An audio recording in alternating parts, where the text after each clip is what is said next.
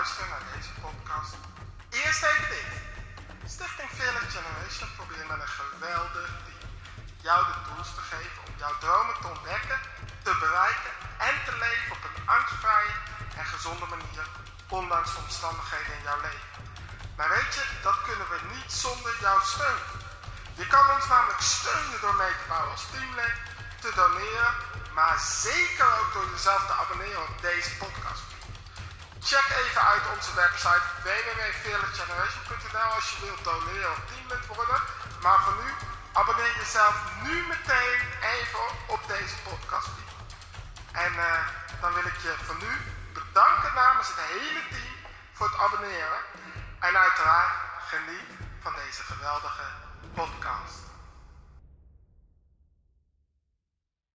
Of zo, ik, ik voel me wat dan ook. Ik ben dan uh, ook nog uh, part-time, een beetje basisinkomen, part-time leraar op een uh, VMBO. Nou, dat is op feestjes, op je statustabel ben ik, nou als je hier hersenchirurg bent, filmster, uitgeprocedeerd asielzoeker, bassie leraar. Dat is ongeveer mijn, mijn status op feestjes. Maar één keer veranderd, een paar jaar geleden. En toen werd er in Den Haag, en ik werk in Den Haag op een school, en toen werd er een, een docent, werd doodgeschoten. En ineens veranderde wat. Ik merkte mijn vrienden, voor, ik, ik, kreeg een beetje spannende status. Het was, hey, ik kreeg een beetje Miami Vice-achtige status. Van, uh, jeetje man, je bent toch ook leren in Den Haag? Jeetje, hè? Ze wilden sneller hun geleende spullen terug. Er veranderden gewoon even een paar dingen. Het was... Ja, en ik dacht, hè, moet je er grap over? Het is nogal wat. Vermoorde collega, ik werk met veel leerlingen ook van het Oud Terra College. Hè, moet je daar grappen over maken? Vonden mijn leerlingen van wel. Was de volgende dag al. Was echt de volgende, was het al... Uh... Meneer, Meneer. Leraar vermoord. Misschien u de volgende wel. en wat zeg je dan? Zeg ja, vorige week in Harderwijk, leerling misbruikt door een leraar. Misschien jij de volgende wel, uh, vriend. Fucker. Het blijft op de VMBO dat 30 tot 40 procent van de leerlingen heeft elke dag een mes of steekwapen bij zich. En ik weet uit ervaring dat ongeveer 1 procent een pen bij zich heeft. Dus, uh... nou jongens, Snijdhuiswerk maar die agenda, hè?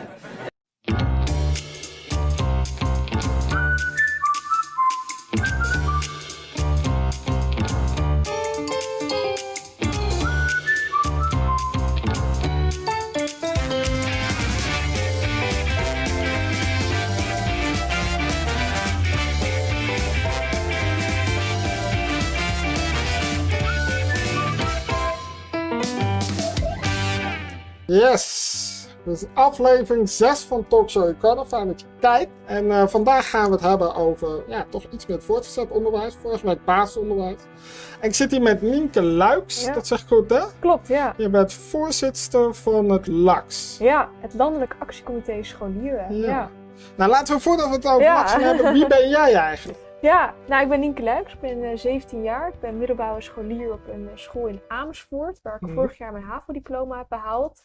Uh, en dit jaar probeer ik een aantal deelcertificaten op het VWO te halen. en daarnaast ben ik voornamelijk heel erg druk bezig met het LAX. Dus we zijn een, ja, een belangenbehartiger zijn we van uh, 1 miljoen middelbare scholieren die ons land kent. En dat doen we op heel veel verschillende manieren. En welke manieren doen jullie dat zo? Nou, bijvoorbeeld bij het ministerie, daar werken we heel erg veel mee samen. We proberen echt die stem van, van jongeren te laten horen bij het ministerie, maar ook bijvoorbeeld binnen de politiek. Uh, we zien ook echt heel erg in de politiek, en dat zagen we natuurlijk de afgelopen verkiezingen ook, dat er heel erg veel gedacht wordt uh, aan de volgende verkiezingen, maar nog echt te weinig aan die volgende generaties. En wij zijn echt van mening dat we, uh, als we duurzaam beleid willen maken, dan moeten we dat samen met jongeren doen. Mm en wij proberen daar een stem in te vervullen. En dat doe ik niet alleen. Ik heb een heel goed, goed bestuur uit heel het land met allemaal mhm. scholieren. Mm maar uh, duurzaam beleid, wat, wat is het verschil tussen het beleid nu, uh, als je dat praktisch zou moeten vormgeven, dat klinkt nog heel abstract, en wat jullie willen? Ja, nou wat wij heel erg belangrijk vinden is dat er onderwijs gerealiseerd wordt wat ook uh, terechtkomt naar de wensen van uh, scholieren. Dus dat uh, we zien dat de prestatiedruk heel erg hoog is. Er is een toetscultuur. jongeren moeten steeds op jongere leeftijd moeten ze presteren. Ze moeten, als ze willen doorstromen naar het hoger onderwijs, moeten ze al een heel cv hebben. Dus we zien dat die druk uh, heel erg groot wordt. En wij zijn van mening dat we daarnaar moeten kijken. We moeten kijken hoe we een onderwijssysteem kunnen maken wat veel meer toekomstbestendig is. Hè. Er is nu een curriculum uh, van toen ik in groep 2 zat op de basisschool. Dus toen was er nog geen iPhone, toen was dat allemaal nog niet. En ik heb wel een curriculum die toen destijds gemaakt is. Dus dat laat zien dat gewoon het onderwijs echt toe is aan een vernieuwingsslag. En dat zien we ook, hè. We eh, En op leren... welke manier een vernieuwingsslag? Nou, op heel veel eh, manieren. Daar hebben jullie vast over nagedacht. Ja, Hoe zou het anders kunnen? Maak het eens Ja, praktisch. bijvoorbeeld op cognitief niveau. Hm. Eh, daar begint het al. hè. Dus over dat curriculum, daar is één één hele grote slag te winnen. Maar anderzijds is er ook echt een slag te winnen op de manier hoe onderwijs aangeboden eh, wordt. Dus eh, als we willen kijken naar de toekomst, dan zal, zullen we moeten gaan geloven in meer maatwerk, meer gepersonaliseerd leren. eh, dat het mogelijk wordt om vakken op verschillende niveaus af te Oh, ik zie nou al docenten thuis zitten die zich helemaal de, de scho- schompen schrikken. Die denken, "Oh, nog meer werkdruk. Nee, maar hoe doe je dat op een... Ja. Betekent dat bijvoorbeeld, want dan hoor je ook toets, prestatiedruk, weet ik veel, eh, eh, basisonderwijs, voortgezet onderwijs, dat die, die keuzemoment daar Ja. weggaat bijvoorbeeld. Ja, en dat dat later wordt. Nou ja, dat, dat keuzemoment, wat, wat een van onze punten inderdaad is ook, dat we zien dat die, hè, die overstap van het primair onderwijs naar het voortgezet onderwijs, dat is best wel een grote kloof. Dus wij zijn ook van mening, we moeten wat aan die overstap doen van het, van het PO naar het VO. Nou, hoe kun je dat doen? Dat kun je bijvoorbeeld doen door een brede brugklas in te stellen. En dat betekent dat je de eerste drie jaar op het voortgezet onderwijs, dat, Dat je... hebben we toch gehad een tijdje? Want Dat toen, is inderdaad toen in het- ik op eh, is de middelbare school heb ik, eens het, geweest. heb ik twee jaar brugklas Ja, ja nou, het is heel erg wisselend ook per school. Soms hebben scholen het nu ook wel. Maar het betekent dat je bijvoorbeeld drie jaar in de burgerklas zit. En dat geeft jongeren en, en, en leerlingen geeft dat veel meer de tijd om te ontdekken welk niveau het beste bij Maar ze zo'n brugklas is toch ook al op een bepaald niveau? Tenminste, mijn brugklas was ehm, een mengeling tussen ateneum en gymnasium dan. Ja. Eh, eh, maar dat heeft toch ook een bepaald niveau? Moet je dat niveau niet gewoon nog even wat opschuiven? Dus dat je Nou, zegt, nou gewoon basisonderwijs door laten lopen. Eh, nou, dat En dan ga je wel natuurlijk in kennisniveau omhoog, maar dat is nou helemaal ja, nog niet te. Te zijner tijd is dat denk ik ook een, een, mogelijke oplossing. Hè? We zien namelijk dat we in Nederland, eh, we beginnen heel vroeg, hè, op hele vroege leeftijd. Je, je kinderen gaan al op vierjarige leeftijd eh, naar de basisschool en we selecteren ook heel erg. Nou, we selecteren op 12-jarige leeftijd. Nou, dat is gewoon heel erg vroeg. Mhm. Dus wij zeggen, laten we nou een brede burgerklas instellen. Dus echt met meerdere niveaus. Niet alleen ateneum en gymnasium, maar echt een stuk breder. En ja, ook niet elke bloem bloeit even snel uit. Dus laten Mhm. we elke leerling gewoon de kans geven om te ontdekken welk niveau bij ze past. En op welk niveau... Maar dus eigenlijk zeg je dat eh, op korte termijn die brede brugklas en daarna misschien nog wel verder eh, die splitsing. Absoluut, ja. Maar we hebben natuurlijk in de afgelopen jaren al heel veel onderwijsvernieuwing gehad. Eh uh, nou, Sander Dekker zit er niet meer. Hè? Het is nu eigenlijk slop. Nou, het wordt een sloppertje.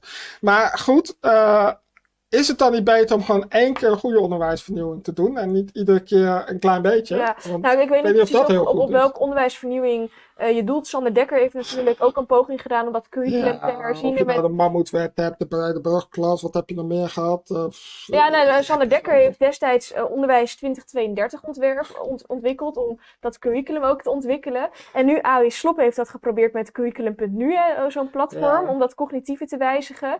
Maar waar ik ook heel erg op doel is, is gewoon een systeemwijziging. mhm. Dus niet zozeer de inhoud, dat moet ook zeker gebeuren. Maar wij vinden het ook heel erg belangrijk dat nou, dat, dat inhoud van het onderwijs gewoon ja, ook het systeem. Dus eh, nou ja, maatwerk, meer gepersonaliseerd leren, een andere vorm van toetsen, bijvoorbeeld meer formatief toetsen. We zien nu heel erg bij toetsen is de mentaliteit van mijn generatie heel erg het zweten, weten, vergeten. Zweten weten vergeten. Zweten, weten, vergeten. Eh, ik zal het kort toelichten. En, en dat, dat is eigenlijk, als je een toets maakt, dan is het zweten, weten, vergeten. Hè? Je zet je even optimaal in om, nou ja, de stof van de toets te Ja, ik leren. kijk nu vraag thuis, want Ja. dat weten, dat heb ik nooit uh, gehad. Maar Nou, je, kijkt, je zet je even optimaal, optimaal in om die toets voor te bereiden. Dan maak je de toets met de kennis die je hebt opgedaan op dat hele korte, heel erg gewende mensen, korte termijnsdenken. En dan eh, een dag later ben je vaak de stof alweer vergeten. Mhm. En we zien dat dat ook niet is, ja, leerlingen zeggen, ja, ik ga naar school voor toetsen.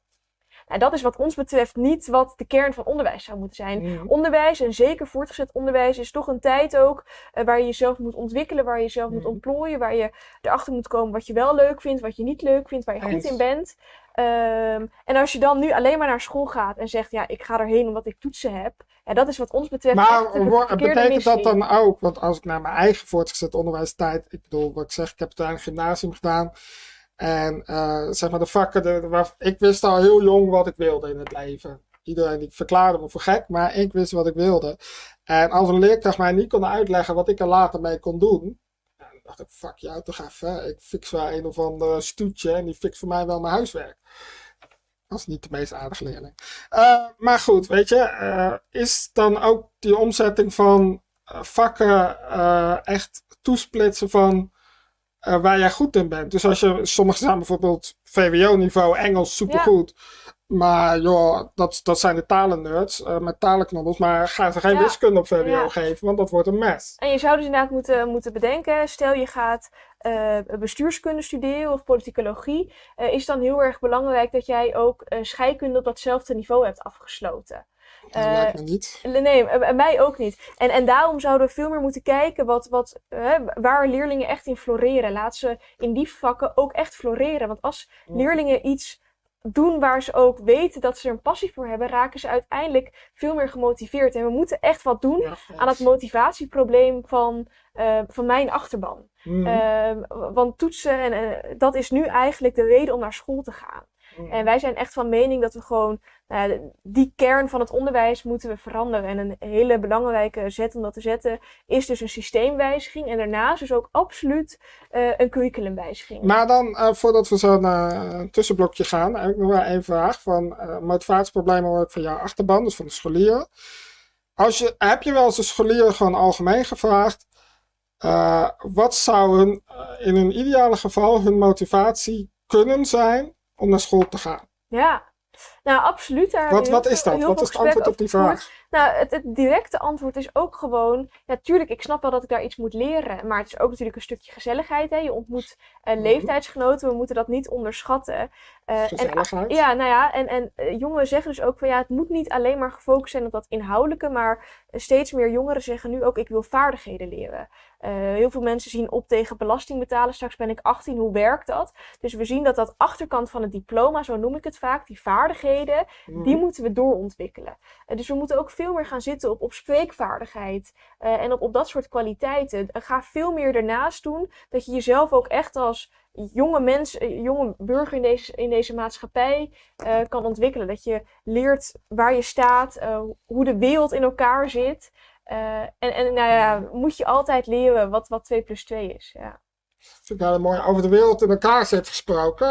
Laten wij heel even kijken naar de politiek en de jonge politieke tijd.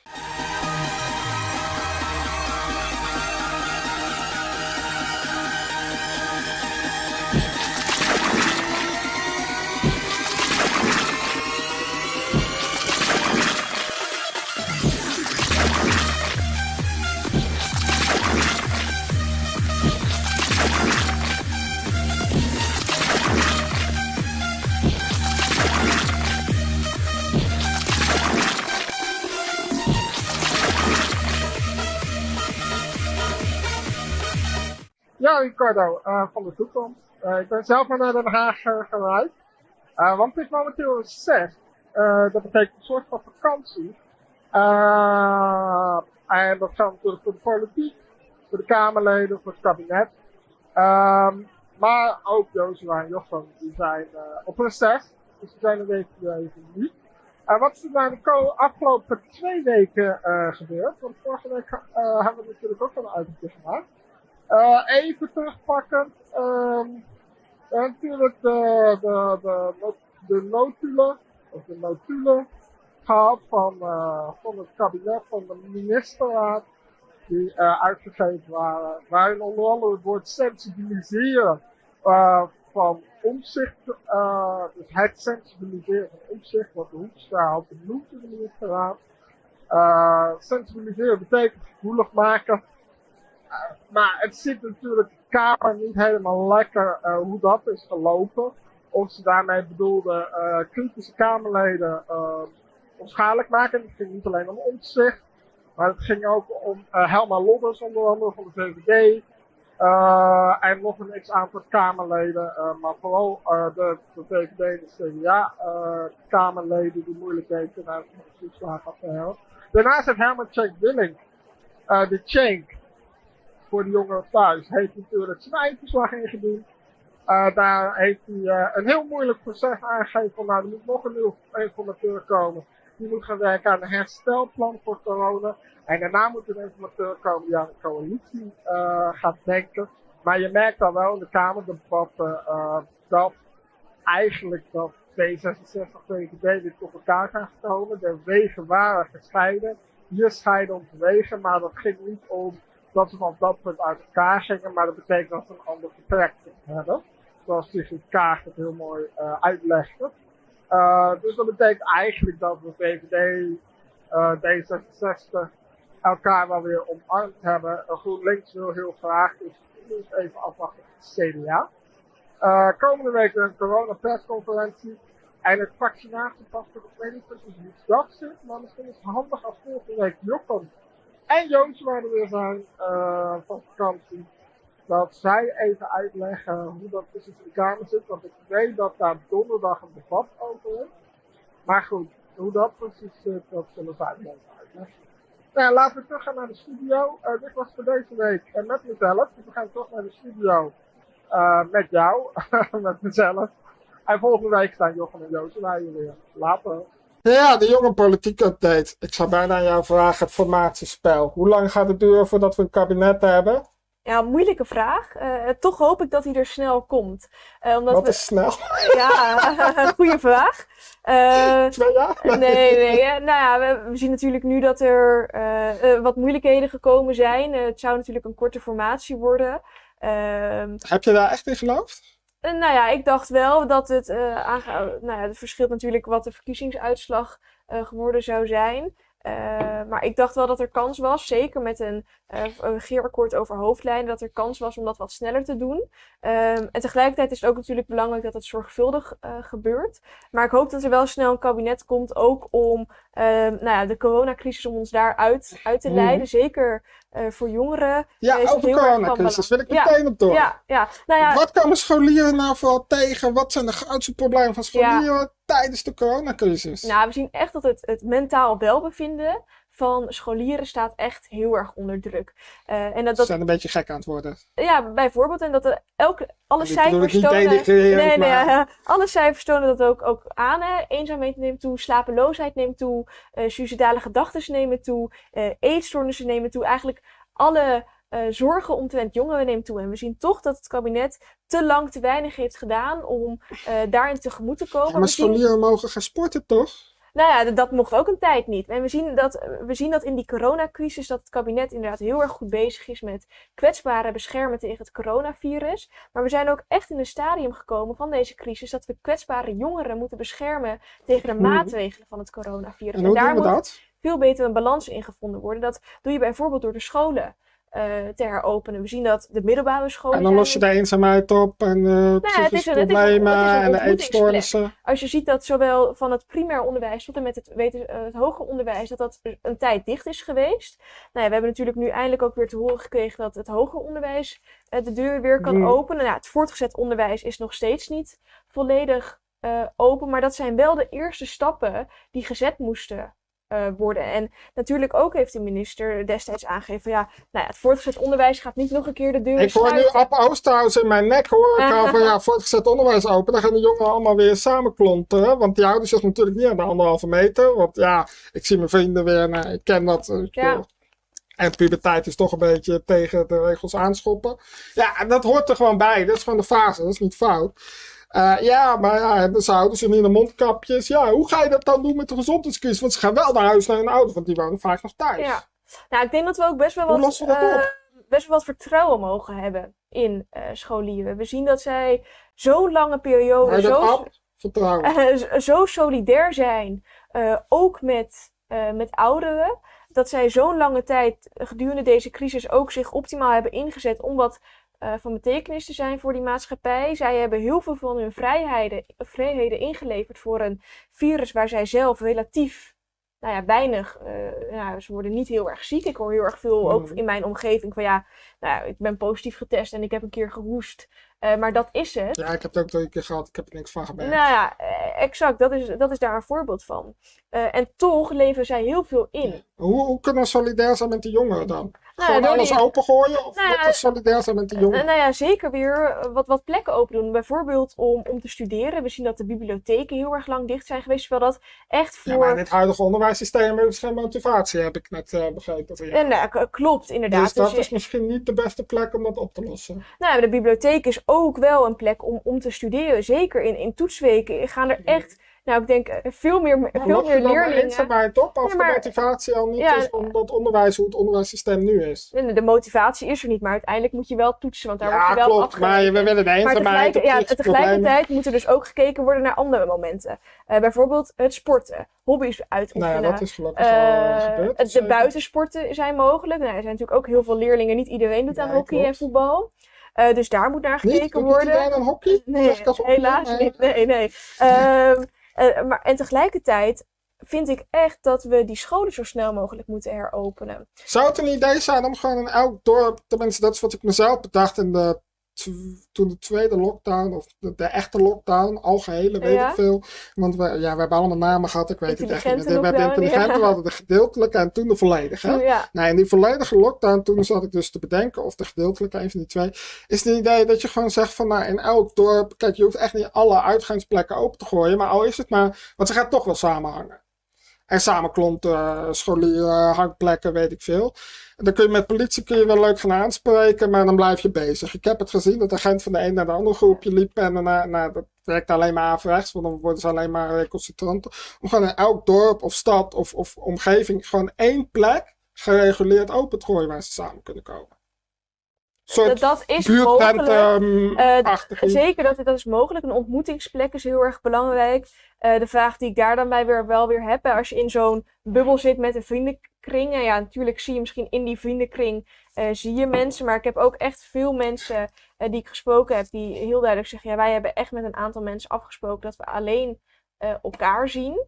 Eh, nou, ja, als je dan zo'n een, een club weer zou openen, dan, dan ontmoeten al die bubbels zich met elkaar. Maar het zou een hele mooie eh, stap zijn. Eh, maar ik ben ook wel van mening hoor. We Maar hoeveel kijken- mensen hebben afgesproken dat ze in die bubbel blijven? Want de mensen wat ik om me heen, en ik spreek ook best veel jongeren, valt het eigenlijk vies tegen. Ja, er heb- zijn heel veel die het ene zeggen en het andere doen. Ja, dat heb dat- je dat- natuurlijk ook.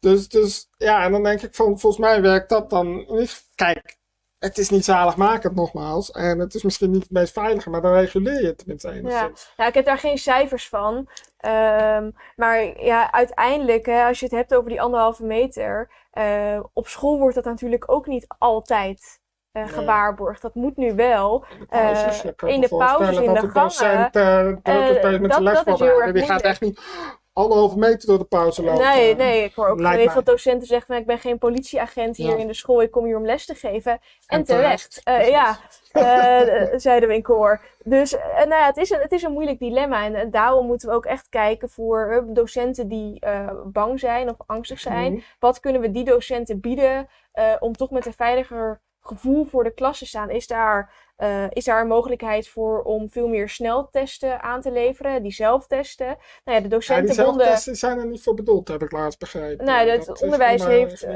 het onderwijs heeft. eh, een- Er is nou, nu wel gekregen, maar die- ja, het was heel ingewikkeld. Waar ze Ja. nou wel voor zijn, is nog steeds niemand duidelijk. Ja, nou ja, op dit moment zijn die sneltesten zowel eh, beschikbaar voor docenten als leerlingen. Leerlingen eh, kunnen getest worden. Iemand in de klas krijgt corona. Nou ja, de GGD. Maar dan moet nu toch tegenwoordig de hele klas, eh, is dat nog steeds zo? Nee, Was op nee, dus basisonderwijs dat wel, is op het basisonderwijs inderdaad. Eh, Op, op, momenteel op het voortgezet onderwijs is dan moet de directe contacten, die moeten zich echt bij de GGD laten testen, dus echt een PCR-test doen. En wat je nu kan doen met die sneltesten en zelftesten, dan kan een school zeggen, nou ja, we laten toch de hele klas, laten we een zelftest doen. Om te kijken waar die onzichtbare besmettingen zien. Want daar heeft mijn generatie gewoon heel erg last van. Er zijn ontzettend veel onzichtbare eh, besmettingen. Is dat ook niet een beetje het probleem voor heel veel jongeren? eh, dat eh, mensen praten in oorlogstaal, weet ik veel, nou daar wil ik nog best in meegaan. Maar het is natuurlijk vervelend, we zien hem ook gewoon niet. Tenminste, ik heb COVID-19 nog nooit echt gezien. Ja, ik heb wel eens een plaatje gezien. Maar ik ben hem nog nooit tegengekomen. Ik bedoel, als je terroristen hebt, dan kunnen we allemaal een plaatje hebben van een man met een baard en een witte jurk. En we snappen waar we tegen vechten. En ik, is dat ook niet een beetje het probleem Ja, van jongeren? Dat ze eh, ergens wel weten, het is serieus en het bestaat. Maar aan de andere kant, omdat ze het zelf niet daadwerkelijk meemaken en als ze het krijgen, is dat, nou, de meesten zien er vaak niet eens de symptomen van. Voelt het toch heel ongrijpbaar en onzichtbaar. Dat dat het ook lastiger maakt.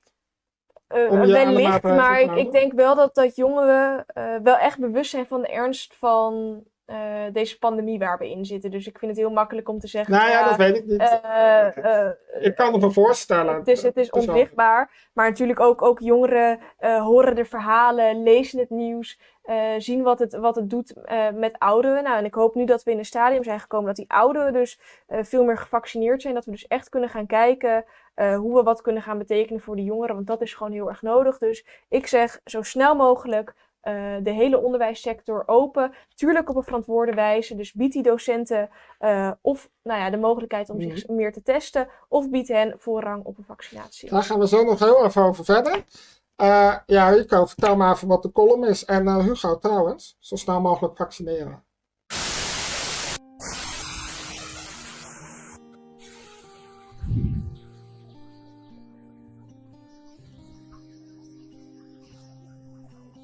Ja, ik eh, schrijf naar aanleiding van eh, het gesprek van Ricardo en Nieke een brief aan uh, Arie Slot. Heel leuk. Ik weet namelijk niet wat zijn adres is, dus misschien kunnen jullie dit berichtje naar doorsturen. Dit is wat ik moet doen. Beste Arie, je hebt je best gedaan in de afgelopen jaren. En toch zijn er veel leerlingen die buitengesloten worden. Daarom wil ik je vragen om in de komende maanden niet alleen geld bij te maken. Het belangrijkste is een systeemvernieuwing. Leerlingen willen vaardigheden leren. Niet alleen theorie of kennis, maar vaardigheden die ze echt kunnen gebruiken in het leven. Motivatie, succes. En om dat te keren, is verandering noodzakelijk. Zweten, weten, vergeten. Verleden tijd zijn. Om ervoor te zorgen dat leerlingen compleet zelf zijn. Trouwens, geef aan Hugo even door dat leerlingen meer ruimte nodig hebben. Want jullie regeerakkoord heeft u toch vertrouwen in de toekomst. En dat is vooralsnog. niet. Ik wil jullie uitdagen, Arie, Hugo, Mark, Ingrid, om jullie slogan uit te voeren. En volop vertrouwen te alle leerlingen in Nederland. Ze weten echt wel wat ze nodig hebben als het gaat om het onderwijs. En de meesten kunnen absoluut wel verantwoordelijk omgaan met de gevaren van het coronavirus. Ik verwacht binnenkort een antwoord. Niet zozeer in woorden, maar zoals we onze dammers zouden zeggen. Graag in daden. Met vriendelijke groet. Rico Emiliano.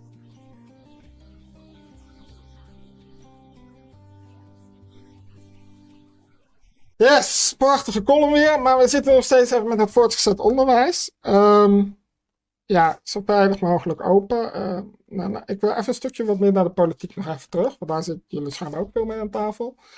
Ehm, wat gaat er nou mis ten aanzien van het onderwijs, COVID-19 in de politiek? Waardoor schijnbaar horen we in de samenleving, horen we deze geluiden echt wel.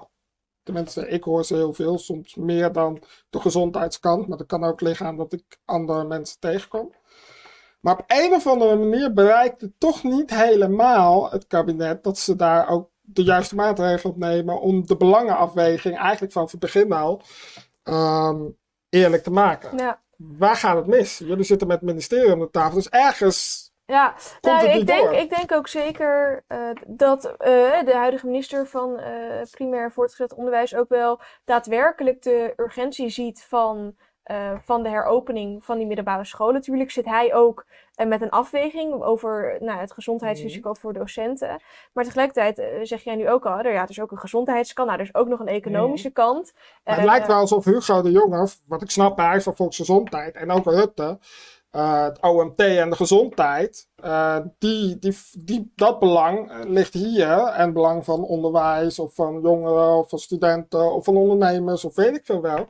Dat ligt allemaal hier. Dus Ja. schijnbaar, de weegschaal lijkt niet helemaal in balans. Als ik heel Ja, nee, nee, nee, nee, daar ben ik het gedeeltelijk inderdaad ook mee eens. Dat is ook wat ik aan het begin zei. We moeten die balans meer Ja, vinden van hoe gaan we dat doen? kwetsbare jongeren. Hoe gaan we die balans vinden? Hoe, maken we, hoe zorgen we er nou voor?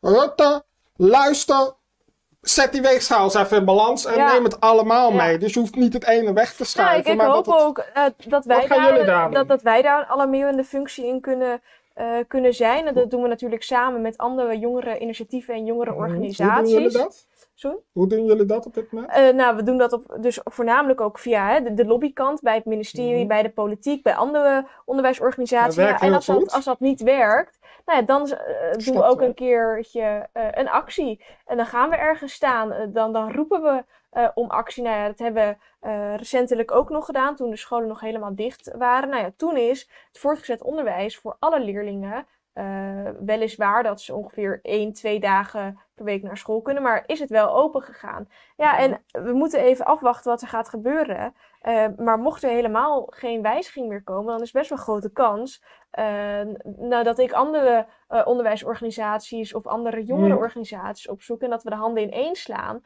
om samen inderdaad ook echt Maar waarom wachten? Want laten we heel eerlijk zijn met elkaar over COVID-19. Eh, dit is COVID-19, dus 2019. We leven nu in 2021.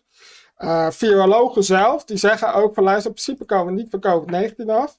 En niet alleen dat, met onze huidige leefstijl komt er wel weer een COVID 22 of 23 of 25 of 30 of 32. Dus eh, ik bedoel, een collega van mij maakt ooit de grap, we gaan van de voor-lockdown vakantie naar de na-lockdown vakantie, bij wijze van spreken. Eh, in principe komen we hier niet, niet meer van af. Laten we daar even heel pessimistisch Nou, die over zijn. kennis heb ik niet, hè? Dus daar wil ik Eh, nee, niet, maar goed, laten we daar even pessimistisch over zijn. Dat we dus moeten leren leven met dit soort virussen. Maar we willen de eerlijke belangenafweging. Jij zegt net als er niks verandert, die kans is eh, klein. Ook al ja, zou iedereen zich vaccineren, maar dat gaat niet iedereen doen. Dat blijft Nee. altijd de kern van niet. Hoe gaan we dat nu doen? Hoe ga je Ja. nu een actie? eh, Wat voor actie gaan jullie op touw zetten? Daar zit ik eigenlijk nou wel met mijn kijkers op te wachten. Nee, nee, een actie kan natuurlijk eh, zijn een demonstratie. Hè. Dat eh, zien, hebben heel veel eh, manieren gezien hoe dat alsnog op een verantwoorde manier eh, kan. Ik wil niet te ver vooruitlopen over andere COVID-varianten die wellicht gaan komen. Ik denk dat we ons nu voornamelijk moeten richten Mhm. op wat er nu mogelijk is. Maar deze gaat ook niet weg. Want bij elke besmetting muteert hij weer. En Nou, maar eh, het verkeerde klopt inderdaad. te Eh, tegelijkertijd zien we wel eh, dat die vaccinaties eh, ook iets van werking eh, hebben, zeker voor de oudere generatie. Ik denk dat we ons voornamelijk moeten focussen, wat kunnen we op dit moment eh, Mhm. kunnen we doen. Eh, daarvan zeg ik als eh scholierenvertegenwoordiging, eh, laten we die scholen heropenen. Eh. En tegelijkertijd is het aan het kabinet om daar En een afweging in te maken. Sorry? En open houden hoop ik. Open houden, absoluut. Eh, en, en ik ben echt van mening dat dat zo snel mogelijk moet gebeuren. We moeten dat niet pas over de zomervakantie. Misschien een manifest en dat de Rutte die ondertekent dat hij als wanneer die zou open, dat hij ze ook open houdt. Nou, dat is eh, een mooie actie, ja. Ja, ik begin Misschien, nou nu eh, zelf Ja, helemaal de eh, activistische rol. ja, ja, precies. Dat Ja, was niet de bedoeling, maar eh, dat eh, soort effect heb je. Nee, maar ik bedoel, ja, weet je, we zullen hiermee moeten leven. En wat ik een beetje mis, en eh, ik bedoel, Kent Laks ook wel, en ik geloof dat jullie heel veel lobbyen en weet ik veel.